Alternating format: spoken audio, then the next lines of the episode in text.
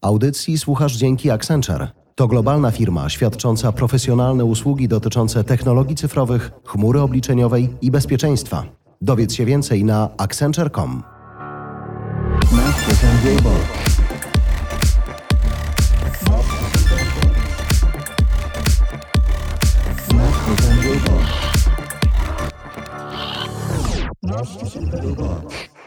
Piczowałabyś dzisiaj skutecznie, myślisz, przed ludźmi, którzy mają pieniądze i chcą zainwestować, czy nie ciągniecie? Dobre pytanie. No trochę ciągnie, ja to lubię tą żyłkę rywalizacji. Poza tym wiem, że dziś można uczynić cuda przy współpracy technologii i myślenia o tym, co można dobrego zrobić. Można tyle zrobić dobrego dzięki technologii. Jak otwieramy dzisiaj każde możliwe medium, słyszymy, że oj, stopy, proce- o, bo inflacja i generalnie kryzys jest duży. Ale z drugiej strony, jak popatrzy się na ten rynek od kuchni, to ci, którzy mają pieniądze, mówią, my wciąż je mamy. My wciąż chętnie zainwestujemy, tylko dzisiaj być może to będą inne tikety i być może w coś zupełnie innego i być może inaczej musisz ułożyć swój plan.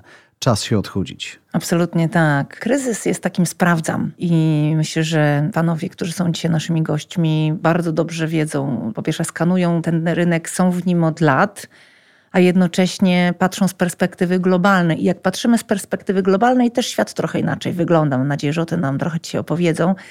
Po pierwsze, kryzys czasami jest w naszych głowach bardziej niż na rynku i to nie cały świat jest tak samo kryzysowy dzisiaj.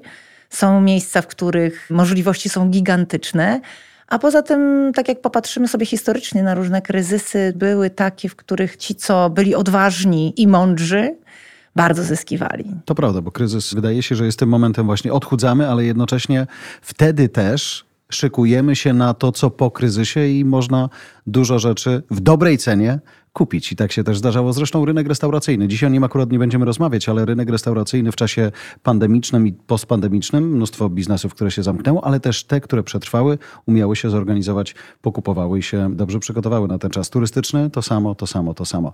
Tak jak mówisz, to są ludzie, którzy siedzą w biznesie, robią biznes globalny, ale jednocześnie są z takiego nowego, fajnego pokolenia, już nie chcę mówić founderów, no choć też są founderami, które nie tylko rywalizuje ze sobą, ale jednocześnie inspiruje się, udziela sobie wsparcia i kontaktów, ale w takim nieznaczeniu, które my znamy sprzed lat, czyli ja nie pomogę ci, albo nie Mhm. ustawię ci jakiejś ścieżki, nie, ja właśnie ci pomogę po to, żebyśmy razem coś dobrego zrobili, albo we trójkę, bo jeśli pomożemy komuś trzeciemu, kto przychodzi z fajnym pomysłem, no to w sumie mamy win, win, win. Dokładnie tak. I ja myślę, że przy tej okazji tego ostatniego odcinka, który dzisiaj nagrywamy z tej serii, warto też sobie pomyśleć, ok, mamy właśnie świat nowych technologii, mamy możliwości, mamy co prawda i kryzys, i trudne sytuacje globalnie, bo te dysrupcje, ja to bardzo lubię to słowo, bo ono jest takie szorstkie, właściwe, powodują, że jest dużo takich właśnie potknięć, ale potem się szybko musimy podnieść i budują takiego nowoczesnego człowieka, który rzeczywiście jest bardzo zwinny w tym, co robi. Zaufanie do takich ludzi i wzmocnienie takich ludzi właśnie od strony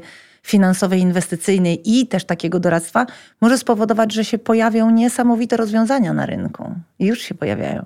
I to nie myślenie tym, że zróbmy coś dla 38-milionowego kraju, choć nie wiem, jakbyśmy bardzo go kochali, ale myślenie tym, że 38 milionów jest fajne, ale 380 milionów jest lepsze i zróbmy wszystko, żeby przede wszystkim nasze podejście do tego, co chcemy zrobić, nie zamykało się na naszym, wiem, że przy 38 milionach to brzmi czasem dziwnie, ale lokalnym jakby nie było rynku.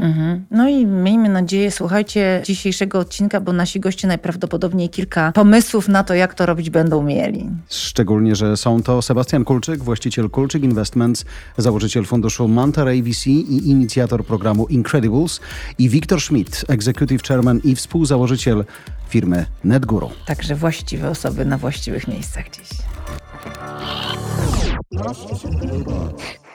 Jak popatrzycie panowie na 2023 rok i na firmy, które przychodzą i mówią, słuchajcie, potrzebujemy inwestora, to patrzycie na nich z chłodem, dystansem czy współczuciem? Sebastian. Przede wszystkim zrozumieniem. Oczywiście wszyscy mamy świadomość, że kryzys nikogo nie oszczędza, można tak powiedzieć, i startupy, nawet jako bardzo innowacyjne przedsięwzięcia i działające tak innowacyjnie, też mają tą tendencję, i to zauważyłem, takiego troszeczkę obrastania, Piórka pewnie. No, Piórka może w tłuszcz. No też. Tak. którego trzeba się od czasu do czasu pozbyć, bo kiedy wszystko jest dobrze, to oczywiście mamy tendencję do tego, żeby zatrudniać kolejne osoby, kolejne kompetencje, prawda, owocowe czwartki i tak dalej, tak dalej, tak dalej, ale tak zupełnie poważnie, to ja jestem osobiście zdania, że od czasu do czasu jakiś kryzys jest potrzebny. To nie tylko dotyczy startupów, tylko myślę, że wszystkich ludzi. Powinniśmy od czasu do czasu taki Remanent. zimny kubeł wody na głowę przyjąć. Niestety jako społeczeństwo mamy tendencję do szybkiego zapominania, co oczywiście też ma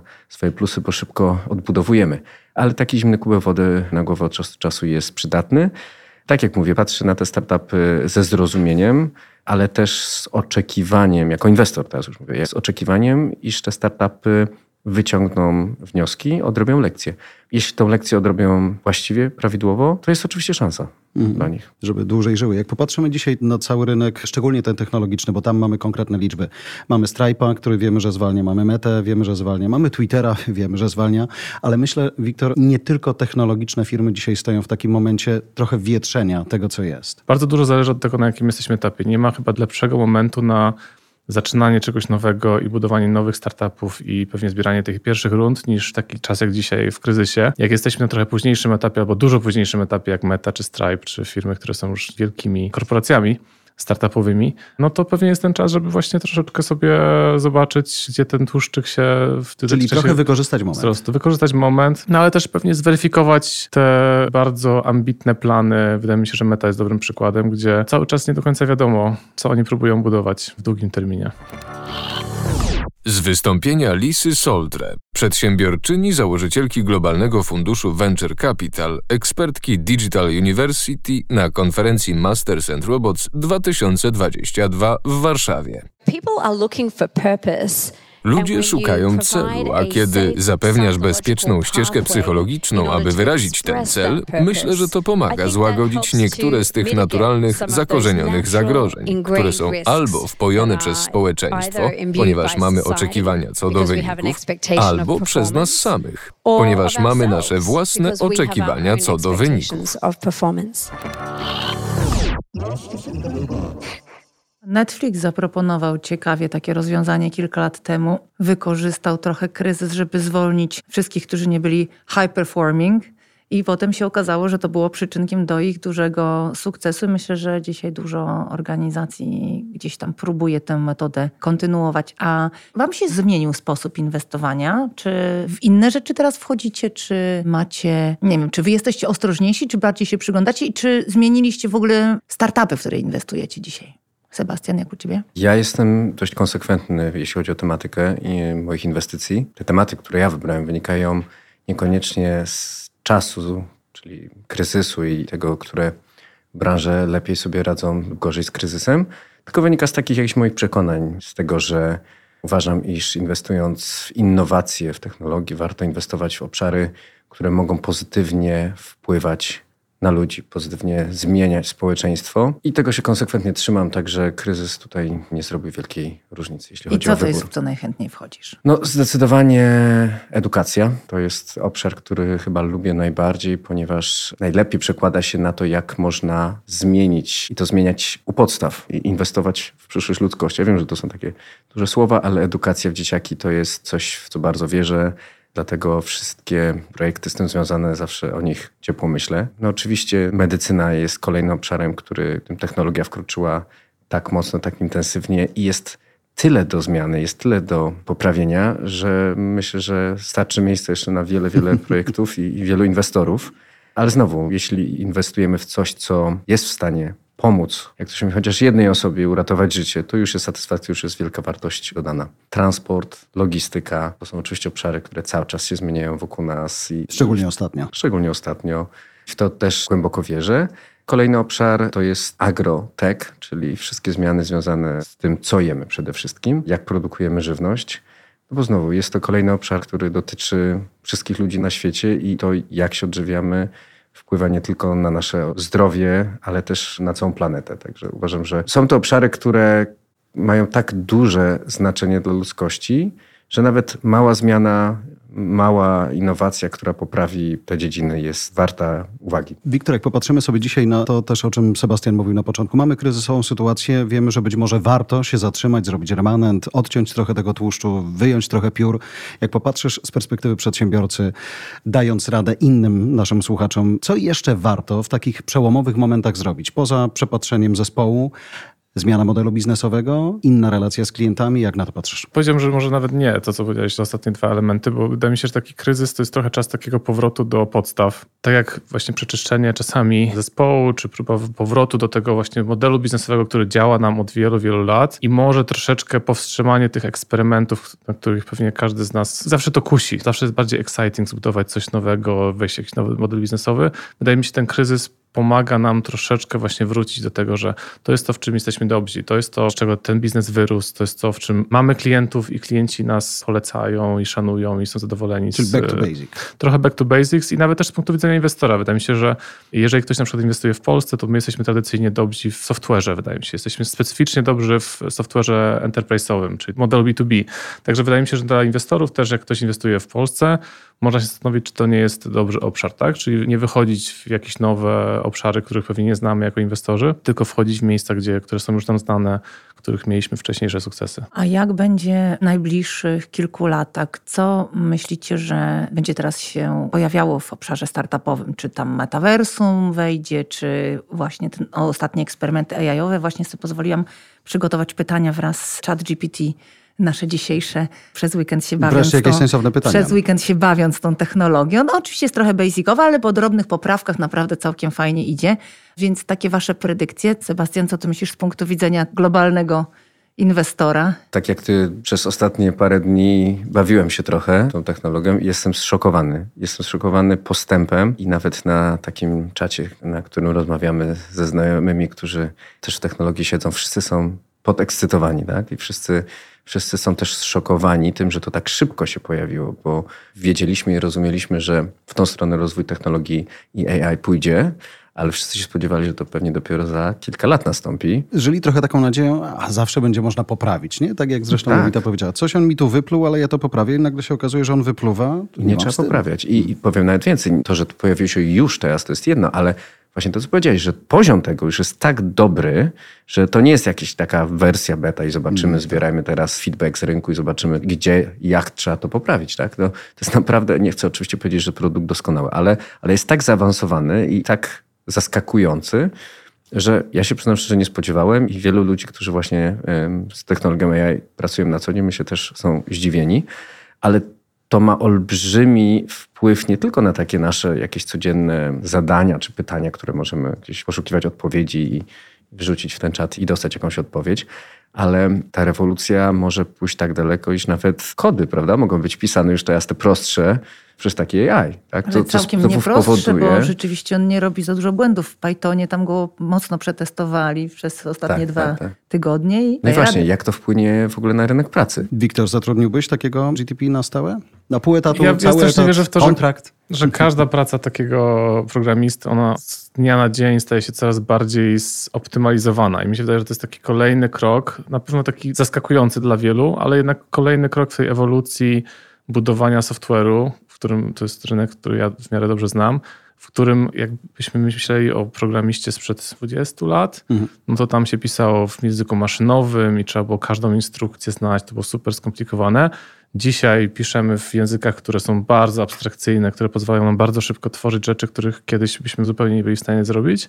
No i to jest taki kolejny krok. Mamy kolejny taki etap abstrakcji, że być może właśnie praca programisty będzie polegała na tym, że napiszę dla takiego AI, że chciałbym okienko, żeby było duże i duży kolorowy przycisk i żeby jak nacisnę, to żeby mi coś zrobiło. Tak? To będzie sposób programowania. Tak? Także mi się wydaje, że ta praca programisty będzie ewoluowała. Czyli to raczej dialog niż zwolnienie? Zdecydowanie myślę, że taki kolejny etap edukacji. Wydaje mi się, że to też jest coś ciekawego w tej pracy tworzenia programowania, że to jest taka praca, która codziennie wymaga doszkalania się. Tak? To nie jest praca, gdzie można ze szkoły umiejętności wykorzystywać przez 10 lat. Tak? Tylko codziennie trzeba się czegoś nowego nauczyć. Myślę, że to w ogóle w tym obszarze, który Ciebie też interesuje, edukacja to jest coś takiego, co widać już są różne projekty na świecie. Myślę, jeden z najbardziej zaawansowanych to jest projekt chiński.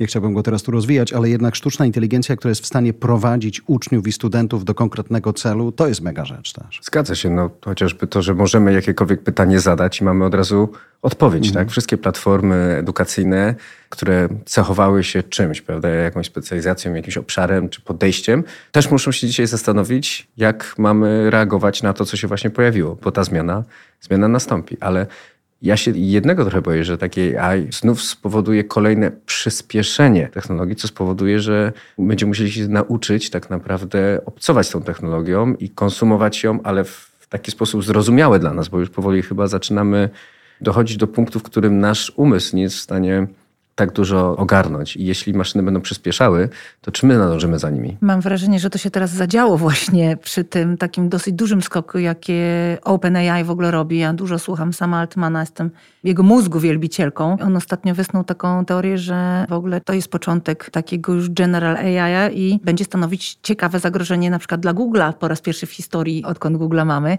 Ale właśnie wracając do Twoich inwestycji, Sebastian, w edukację, no to też jest jakby mocny silnik edukacyjny. Moja córka, której też to dwa tygodnie temu pokazałam, ona już się uczy, sobie bawiąc się z ChatGPT, bo sobie zadaje pytania już, już sprawdza sobie tam odpowiedzi. Mówi, mamo, coś tam odkryłam z matematyki, co wcześniej nie potrafiłam zrobić, bo zobacz, jak mi to podpowiedziało, nie? Nawet można Wypracowania już pisze też? Jeszcze nie. Akurat z tego ona jest dość dobra sama. Natomiast z rzeczy związanych z matematyką, to na przykład gdzieś tam technologia wyszukuje jej najciekawsze rzeczy na YouTubie, więc sama nie musi już tego searchu robić, nie? Ale wiesz, mówiąc o, o naukach ścisłych, to jeszcze jakoś łatwiej nam sobie jest wyobrazić, że takie AI jest w stanie wygenerować jakąś odpowiedź, tak, czy jakąś wiedzę, ale możemy wiersze pisać, tak? No, ja już spróbowałem, Pierwsze tak? piosenki i co? Dokładnie. Czyli napisałeś pierwszy, ale wspólnie Nie, nie, jesteście- że ja napisałem, jesteś tylko, tylko tak? sprawdzając możliwości technologii, to pytam, czym napisz wiersz na temat jakiś tam. No i Poszło. poszło, prawda? Natomiast Także- to pytanie Jowite było takie, co czujecie, że jest za rogiem? Czy to właśnie AI będzie wyznaczało pewne ślady i nowe ścieżki pod kątem inwestorów, ale także founderów, w którą stronę powinien ten świat iść od 23 roku, jak czujecie? Na pewno, na pewno to jest taki trend, który jest na pewno cały czas hypowany. To też widać, że to jest cały czas wszyscy o tym rozmawiamy i jest dużo wokół tego szumu, ale jest też za tym coś stoi, wydaje mi się, realna wartość. Ja to może czasami trochę porównuję z tym całym światem krypto, blockchainu, gdzie wydaje mi się, że tam też jest oczywiście wartość, natomiast tam ten poziom hypu jest, wydaje mi się, niewspółmierny do wartości, a w AI-u, w całym obszarze machine learningu wydaje mi się, że tutaj jest dużo bliżej pomiędzy hypem a To jest a bardziej wartością. wiarygodne, tak? W tym Tak, sensie. tak. Mhm. Czyli inwestujecie teraz w AI-owe organizacje, jeżeli jest na to jakaś szansa. Ja wydaje mi się, że AI staje się trochę taką technologią, czyli już wszystko jest, albo wszystko będzie, tak jak dzisiaj wszystko już jest technologią, wszystko co robimy ma jakiś tam technologiczny aspekt, tak samo za chwilę wszystko będzie AI-em, tak? Czyli to inwestowanie nie będzie w AI, tylko inwestowanie będzie znowu w agro, w edukację, Które będzie która będzie. AI-enabled po prostu. Tak, Pojęcie ale- inwestujemy w startupy jest bardzo szerokim pojęciem, No prawda? Właśnie, ale z drugiej strony startupy mówią między sobą, słuchaj, musisz wpisać, że gdzieś masz AI, bo inaczej cię nikt Tak, nie zainwestuje. Czy też tak jest? Wy śle- śledzicie hype'u, to? no. Nie, ale z drugiej strony, jeżeli tak jak mówi Wiktor, za chwilę to będzie norma i to będzie taki element technologii, z którym nikt nie dyskutuje, to brak będzie dziwił, nie? a nie No właśnie, to, już że tak musisz jest. wpisywać na siłę. Tak. Sebastian, piąte pytanie przygotowane przez naszego bota brzmi, uwaga, jaką rolę według ciebie powinien odegrać rząd i inne instytucje Hmm. we wspieraniu rozwoju startupów technologicznych w czasie kryzysu? I mało tego zapytał jeszcze raz, czy są w tym obszarze dobre praktyki, w jakim kraju? To jest bardzo niewygodne pytanie, bo... Dlatego, że Powinniśmy AI spytać. AI Właśnie, dokładnie, powinniśmy. AI spytać. Middle East jest dobrym. Tak, no wszystkie kraje, których rządy mają świadomość wagi innowacyjności i stawiają na to innowacyjność. Wszystkie te kraje oczywiście mają jakieś tutaj większe możliwości i te startupy, które w tych krajach funkcjonują, będą miały większą szansę przetrwania. Oczywiście można to robić na wiele sposobów, od jakichś optymalizacji podatkowych nawet, tak, przez jakieś granty i dofinansowania, ale też poprzez jakieś rozwiązania prawne. Tu Estonia na przykład jest takim krajem, który od dawna wiemy, że, że bardzo mocno postawił na innowacyjność, na technologię. Nawet możliwość sprowadzania pracowników z zewnątrz, na przykład, nie wiem, spoza strefy Schengen, prawda, i umożliwienie im szybkiego otrzymania wizy EID pracowniczej. już, nie? Dokładnie, tak. I to jest jeden właśnie z takich elementów, które mają, myślę, wydaje duże znaczenie dla tej innowacyjności. No ale tak jak mówię, każde finansowanie, każde granty i też współpraca na przykład z ośrodkami uniwersyteckimi, gdzie też powstaje wiele wspaniałych technologii i ułatwianie tej współpracy jest myślę też jakimś takim ciekawym tutaj elementem, na którym rządy mogłyby się skupić. Szczególnie w tym obszarze R&D, kiedy wiadomo, że w nowych firmach ten dział sporo waży i też jednocześnie sporo kosztuje. Ale właśnie kiedy mówisz dzisiaj Estonia, nikt tam nie dyskutuje i nikt się nie zastanawia, gdzie jest granica między prywatne a publiczne, prawda? Po prostu Estonia to robi tak. I tam to partnerstwo publiczno-prywatne, które w Polsce ma różne, różne konotacje, rzeczywiście fajnie funkcjonuje. Ty jak byś odpowiedział na to pytanie, Wiktor? Wiesz, wiele ludzi mówi, że państwo powinno przedsiębiorcom przede wszystkim nie przeszkadzać i to może jest takie tricky, natomiast dla, O dla mnie... funduszach VC też ostatnio słyszałem. tak. Jeden z funduszy mówi, to co my robimy, przede wszystkim nie przeszkadzamy. Dajmy tak, pieniądze ale, i nie ale jak to, co to znaczy, wydaje mi się, realnie? No to jest wiele takich rzeczy, które można upraszczać. Są rzeczy, gdzie można ułatwiać, tak? Między innymi zatrudnianie ludzi z zagranicy czy z innych ośrodków, gdzie jakaś tam innowacja działa, czy współpraca z uniwersytetami, czyli też zmniejszenie barier takich współprac, zmniejszenie też barier właśnie współpracy z sferą publiczną, tak? Czyli właśnie te partnerstwa publiczno-prywatne, czyli to nieprzeszkadzanie trochę oznacza, że jednak tam trzeba coś porobić, trzeba upraszczać pewne rzeczy, trzeba sprawiać, żeby to zaufanie do, do systemu prawnego, do systemu podatkowego budować. Także wydaje mi się, że jest trochę takich rzeczy, które można robić na takim poziomie właśnie infrastrukturalnym i jest też dużo rzeczy, które można robić proaktywnie, tak? Nie wiem, są przykłady właśnie na Bliskim Wschodzie i z Izraela i z krajów typu Emiraty, czy pewnie od nawet kilka innych krajów z regionu, które No aktywnie wspierają, finansują, czy też promują. Bo to też jest bardzo ciekawy aspekt, który wydaje mi się w Polsce jeszcze nad którym pracujemy, to jest to, żeby ten PR kraju był taki, że chce się tu inwestować, że chce się tutaj mieszkać, tak, dla ludzi, których chcielibyśmy zatrudnić, czy że chce się tutaj nawet przyjeżdżać, tak. Ja, ja mam takie doświadczenia z ostatnich paru miesięcy, że za każdym razem, jak ktoś do Poznania czy do Warszawy przyjeżdża, jest zachwycony tym, co tutaj się dzieje, ale zaskoczony też trochę, bo Tak. ten PR nasz nie Tak. jest aż taki jak... Oczekiwał real- czego innego. Oczekiwał czegoś, co jest jakby z jednej strony pozytywne, ale z drugiej strony trochę smuci, bo, bo się okazuje, że nie mówimy o sobie w taki sposób, jak moglibyśmy sobie mówić i tak się promować jako, jako Mas- kraj. Przy Masters and Robots to jest jedna z naszych najważniejszych misji i autentycznie po sześciu edycjach uważam, że Ministerstwo Spraw Zagranicznych powinno jakoś ułożyć na nasze utrzymanie, dlatego że tych 20, 30, 40 ekspertów, którzy co roku przyjeżdżają, są nagminnie, tak dokładnie mówią, że są zachwyceni, że jest super, że nasz poziom hospitality, ale też poziom tego, jak jesteśmy rozwinięci w innowacji. Oni mówią, u was innowacja jest fajna, bo jest nowa, u nas jest stara, więc te wszystkie kołorki nawet wyglądają lepiej ale też są zaskoczeni naszym poziomem intelektualnym, czego się nie spodziewali. Rozmawiałam z ambasadorem Brzezińskim, który jest patronem też naszej działalności. Mówi, że jeszcze kiedy pracował w administracji prezydenta Obamy, organizowali różnego rodzaju wyjazdy dla polityków. Mówią, dobra, to jedziemy do Estonii. O, do Estonii wszyscy chcą do Estonii, do Szwecji wszyscy chcą do Szwecji. Organizujemy wyjazd do Polski. Do Polski, ale po co? Ewidentnie mocno musimy jeszcze popracować nad PR-em. Dodam jedną uwagę, że są kraje, które rzeczywiście świetnie sobie PR-owo radzą. Emiraty Arabskie są takim przykładem. Widziałam takie wideo, ktoś mi przysłał z przyjaciół, w którym reklamują wystąpienie o kartę pobytu, mówiąc o tym, że nawet pogrzeb jest za darmo. Także to, To mnie przekonało. to Natomiast jest bardzo przekonujące, ale 5 do 10 milionów osób chcą aktywnie sprowadzić jako rezydentów i bardzo konsekwentnie to Zasnął planują. się czarny humor tutaj włączy. No, ale zapakuję go i wyślę do Emiratów na chwilę. Panowie, bo mówimy o waszej perspektywie inwestorów. Natomiast chciałbym was zapytać o to, jak czujecie, jak wygląda dzisiaj ta druga strona, czyli founderzy. Czy oni są, za chwilę zaczynamy kolejny rok, kiedy oni na polskim rynku sobie jakoś radzą. Czy oni są coraz bardziej dojrzali, mają bardziej sprecyzowane pomysły, mają lepsze pomysły, są bardziej odważni, są bardziej profesjonalni? Jak patrzycie, Wiktor? No na pewno kierunek jest pozytywny. Mi się wydaje, że przez ostatnich 5, może 10 lat zmienił się ten dojrzałość chyba osób, które startują nowe biznesy.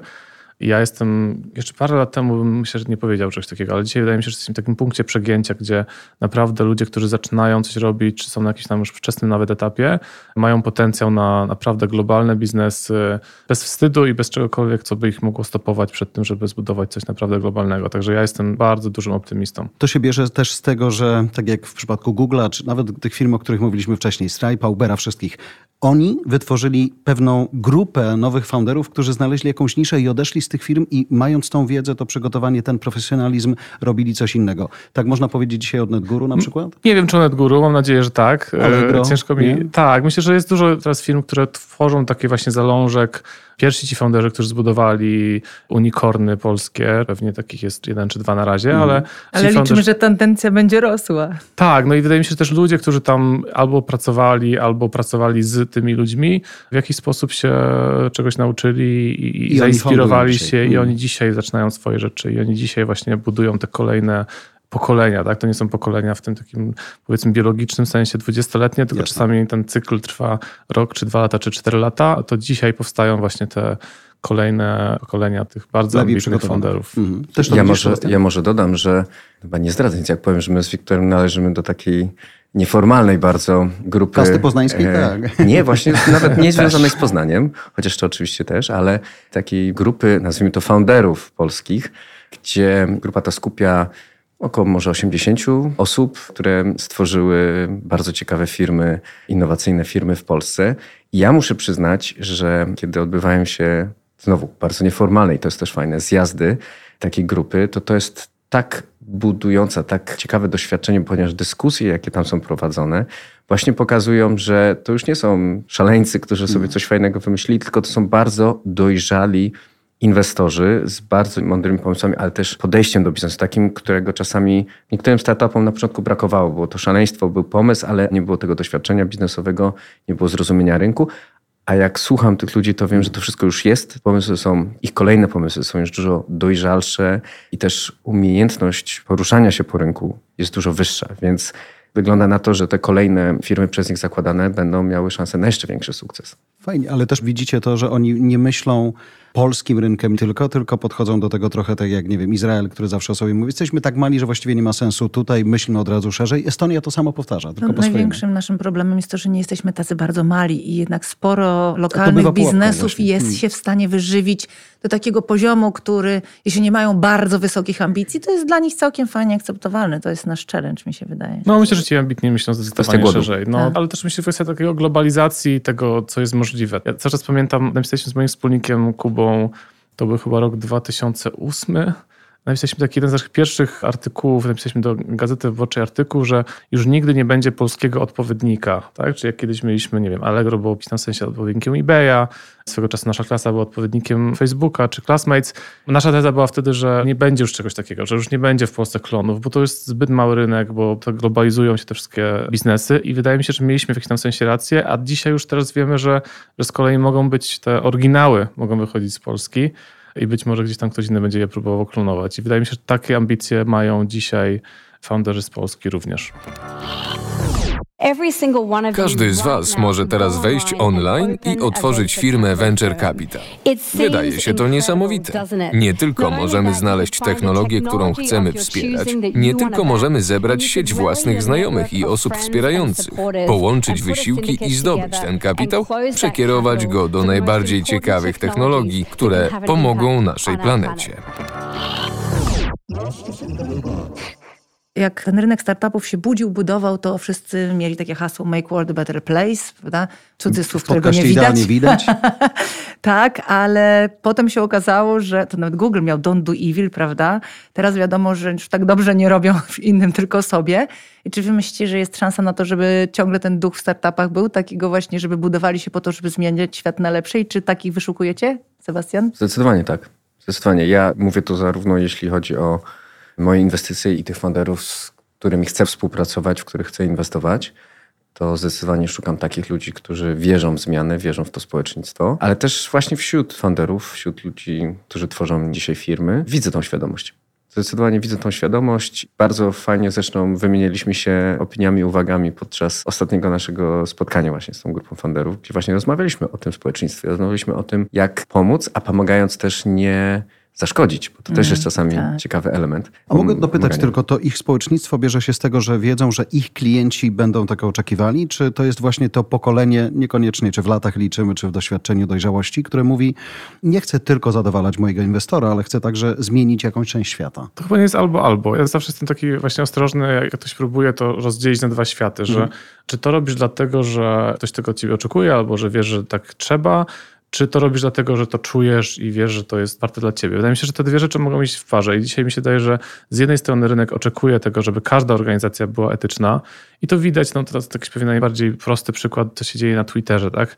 Wydaje mi się, że każdy konsument czy prosument, jakkolwiek sobie nazwiemy tych naszych klientów, oczekuje dzisiaj od swoich dostawców tego, że będzie etyczny, że będzie w jakiś sposób myślał. To nie znaczy zawsze, że nie wiem, 100% zysku ma być przekazane na cele charytatywne, tak? To nigdy nie jest też takie zero-jedynkowe. Wydaje mi się, że każdy, jak podejmuje swoje decyzje zakupowe, też bierze to pod uwagę dzisiaj i tak samo działają też większe organizacje. My często od naszych klientów dostajemy jakieś formularze do wypełnienia, w jaki sposób my się wpisujemy w ten cały aspekt sustainability, a jednocześnie też tego chcemy, tak? Jako przedsiębiorcy. Mi się wydaje, że to nie jest albo albo i to jest takie chyba bardzo, czasami właśnie trzeba to często to tłumaczyć, że to, że coś robisz i to ma dla ciebie efekt też pozytywny, inaczej, że to w jakimś sensie zabiera temu ten aspekt też pomagania czy robienia czegoś dobrze. Nie? Zgadzam się w 100% zwykle. To, że korporacje wymagają dzisiaj nie wiem, podejścia ESG, tak. tak, i, jest to jeden z ważniejszych tematów na wszystkich dzisiaj zarządach czy radach nadzorczych, to nie znaczy, że to nie może płynąć gdzieś tam z głębi serca i z przekonania. Będziemy konsumować produkty, ale najpierw się musimy napić wody i oddech złapać wszyscy. To jest Zdrowy raczej uniwersalne, prawda? Gdybyśmy spojrzeli dzisiaj jeszcze i wykorzystali Waszą obecność w studiu dla tych, którzy wchodzą do biznesu, którzy być może jeszcze nie są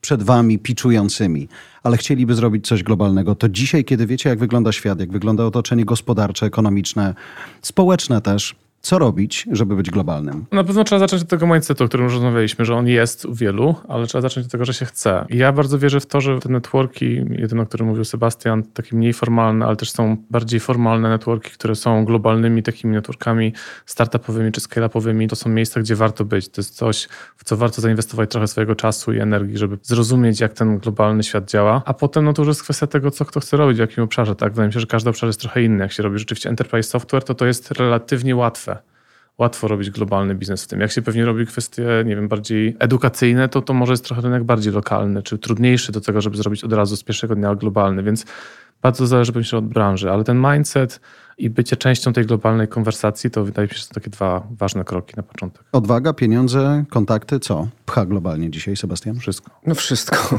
wszystko, wszystko. No nie oszukujmy się, bez pieniędzy nie ma rozwoju, kontakty, tak, również, no tak jak te różne formy kontaktowania i komunikowania się z, z różnymi innymi podmiotami, nauczenia się od nich, ale też zdobywanie dzięki nim od kontraktów z jakąś tam wiedzę dodatkową. Wszystko dzisiaj jest ważne. Tak jak Wiktor powiedział, mindset jest kluczowy. Poza mindsetem idzie też determinacja, Właśnie, a upór. dzisiaj bez tej determinacji mamy kryzys. Jeden, drugi, trzeci startup powiedziałby, ach, no nie damy rady, trudno. A jeśli jest odpowiedni mindset, no to ktoś gdzieś dalej walczy, szuka rozwiązań. Ale to jak w każdej firmie. Ja nie myślę, że to jest jakaś tajemna wiedza przeznaczona tylko dla startupów. To jest uniwersalna wiedza dla każdego podmiotu gospodarczego i odpowiedni mindset, odpowiednia determinacja, chęć działania jest kluczowa. No a to się też wiąże z tym, że chęć na przykład do rozwoju permanentnego, nauki, bo w każdym obszarze, szczególnie w innowacyjnych technologiach, to jest permanentna zmiana i trzeba za nią nadążać też, więc taka otwartość, determinacja, mindset, tak jak Wiktor powiedział, mindset. A tak, masz rację, Sebastian, że rzeczywiście dzisiaj jest trochę tak, że czy startup, czy korpo, nie znasz dnia, ani godziny, każdy może się wywrócić, więc wszyscy powinni Tak. być uważni, koncentrować się na najlepszych talentach i mieć dużo upartości w sobie, nie? Choć mówiliśmy o tym back to basics w czasach kryzysu, czy dzisiaj czujecie, że właśnie ta upartość, ale jednocześnie ta umiejętność uczenia się i przyjęcia na klatę o wiele większej, czasem trudniejszej liczby rzeczy niż do tej pory, to też jest oczywista oczywistość w takim otoczeniu? No zdecydowanie, no tak samo właśnie mówiłeś o korporacjach, które też muszą się uczyć, też muszą się zmieniać, też muszą uciekać do przodu, też mogą zostać w, może nie w sekundę, ale w dobrych, myślę, że dzisiaj w ciągu roku spokojnie można podać przykłady firm, które zostały zdisraptowane przez nowe, bardziej zwinne, bardziej szybko działające organizacje. Także myślę, że każdy musi dzisiaj się back to basics, ale innowacja, tak? Myślę, że jest dużo takich trochę kontrastowych rzeczy, które trzeba robić jednocześnie. Panowie, bardzo dziękujemy za spotkanie i rozmowę.